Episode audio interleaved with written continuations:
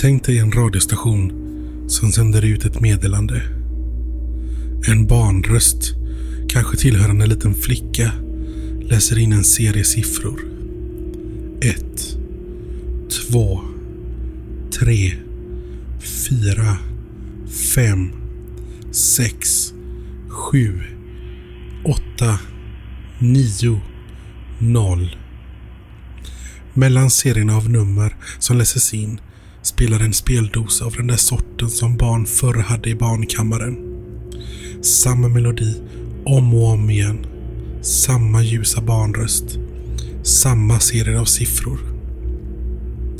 Tänk dig att den här stationen har hållit på och sända sedan 70-talet. Om och om igen. Dag ut och dag in. År ut och år in. Denna artikel är skriven av skribenten Daniel från sajten Dystopia. Mitt namn är René Alexander och detta är Mysteriet.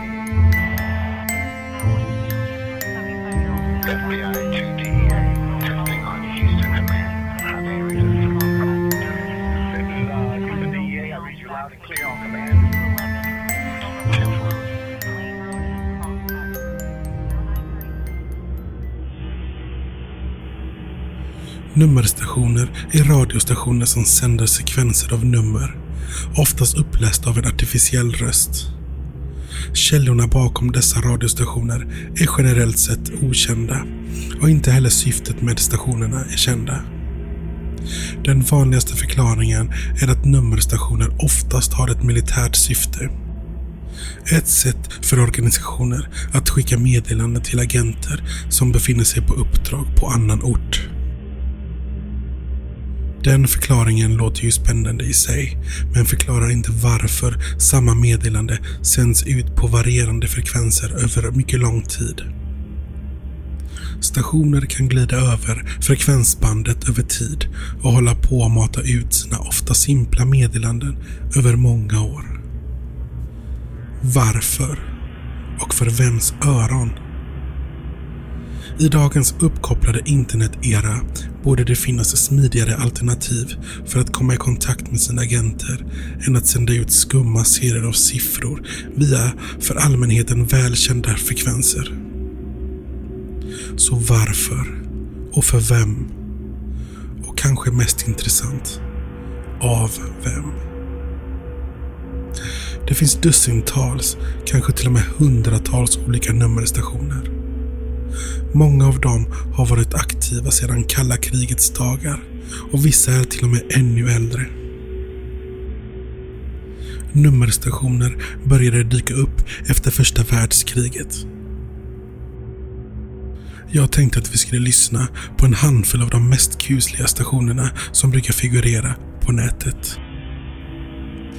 Jag varnar er, kära lyssnare, ha i åtanke att ljuden vi kommer att spela upp härnäst kan kännas mycket obehagliga i era poddapparater. Så känns det konstigt, så testa att sänka lite.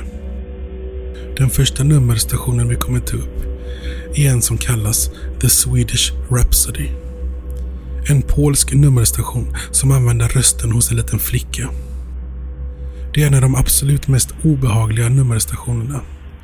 En polsk station som började sända på 70-talet. Stationen spelar upp en speldos musik. Stycket Swedish Rhapsody av Hugo Alfvén. En liten flicka läser upp serier av nummer på tyska. Sändningssegmentet avslutas med det tyska ordet Achtung innan alltihop börjar om igen. Originalsändningen höll på att sända fram till 1997 men varianter av sändningen hölls vid liv till 2007. Här kommer ni få lyssna, men återigen, jag varnar er. Känns det obehagligt så testa att sänk lite.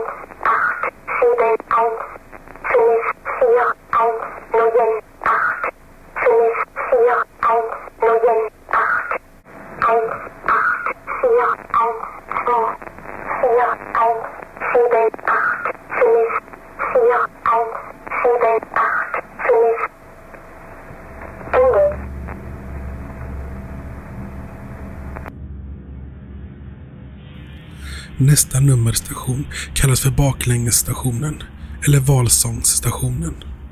En station som sänder ut märkliga ljud och förvrängda röster. Detta är alltså en station som sänder ut vad som närmast går att beskriva som statiskt brus blandat med gjutanden som påminner om valsång. Emellanåt kan en förvrängd röst höras, men vad som sägs är mer oklart.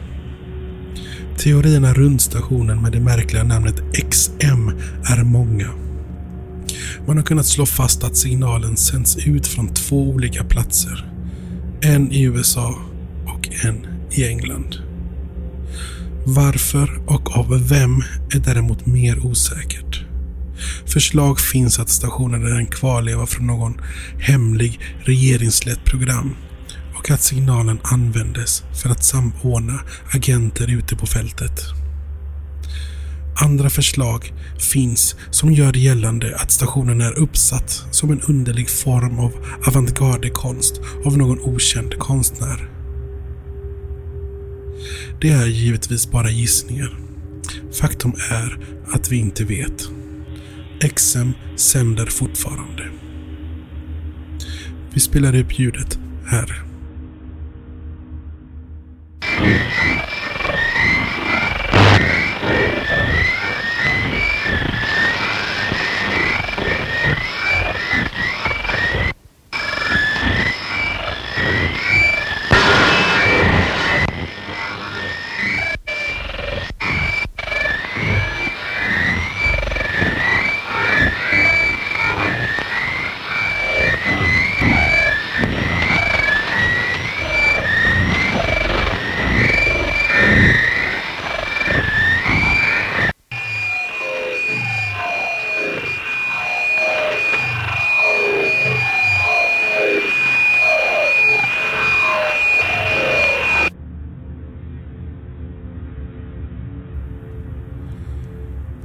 Nästa station kallas för Yosemite Sam-stationen.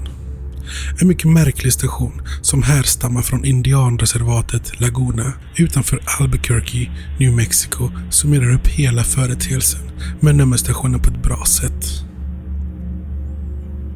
I början av december 2004 började Federal Communications Commission, FCC, få in rapporter om att en okänd utsändning börjat figurera i området. Utsändningen börjar med ett 800 millisekunders skarpt ljud som låter lite som en Blu-ray-spelare som försöker läsa en hoppande skiva. Ljudet följs omedelbart upp av Snurre Sprätts ärkefiende Yosemite Sam som skriver “Vermin, I'm gonna blow you to smithereens”. Konspirationsteoretiker och allmänt nyfiket folk har lyckats identifiera sekvensen från Snurre Sprätt-filmen Bunker Hill 1949. Varför just den biten tecknad filmhistoria åtföljer ett skarpt skrapande i en mystisk radioutsändning vet däremot ingen. Sekvensen sänds ut över fyra olika frekvenser och ligger alltid på exakt två minuter per utsändning. I'm gonna blow your ass! Never. I'm gonna blow your ass! Never. I'm gonna blow your ass!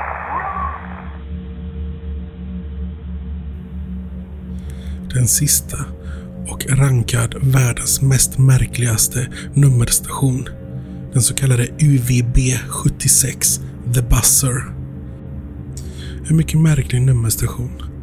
En signal som befinner sig på frekvensen 4625 kHz och som har varit aktiv sedan slutet av 70-talet. Den allra tidigaste kända inspelningen av stationens utsändningar är daterad 1982. Sedan dess har stationen sänt ut ett ständigt upprepat brusande.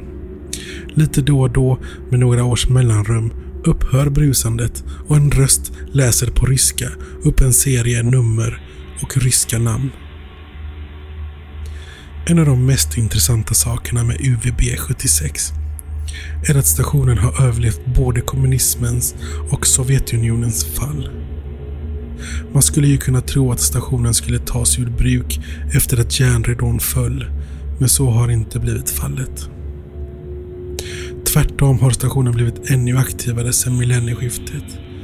Det tidigare ganska sällsynta meddelandet med namn och nummer började dyka upp allt oftare.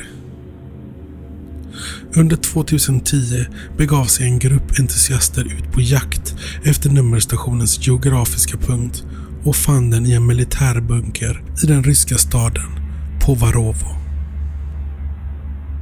Platsen var helt övergiven och det enda man hittade var en loggbok med diverse meddelanden med militär anknytning. Efter att gruppen lämnat bunkern flyttade någon på sändaren. UVB 76 sänder än idag och går att lyssna på live via internet. Men här kan ni kära lyssnare lyssna på den.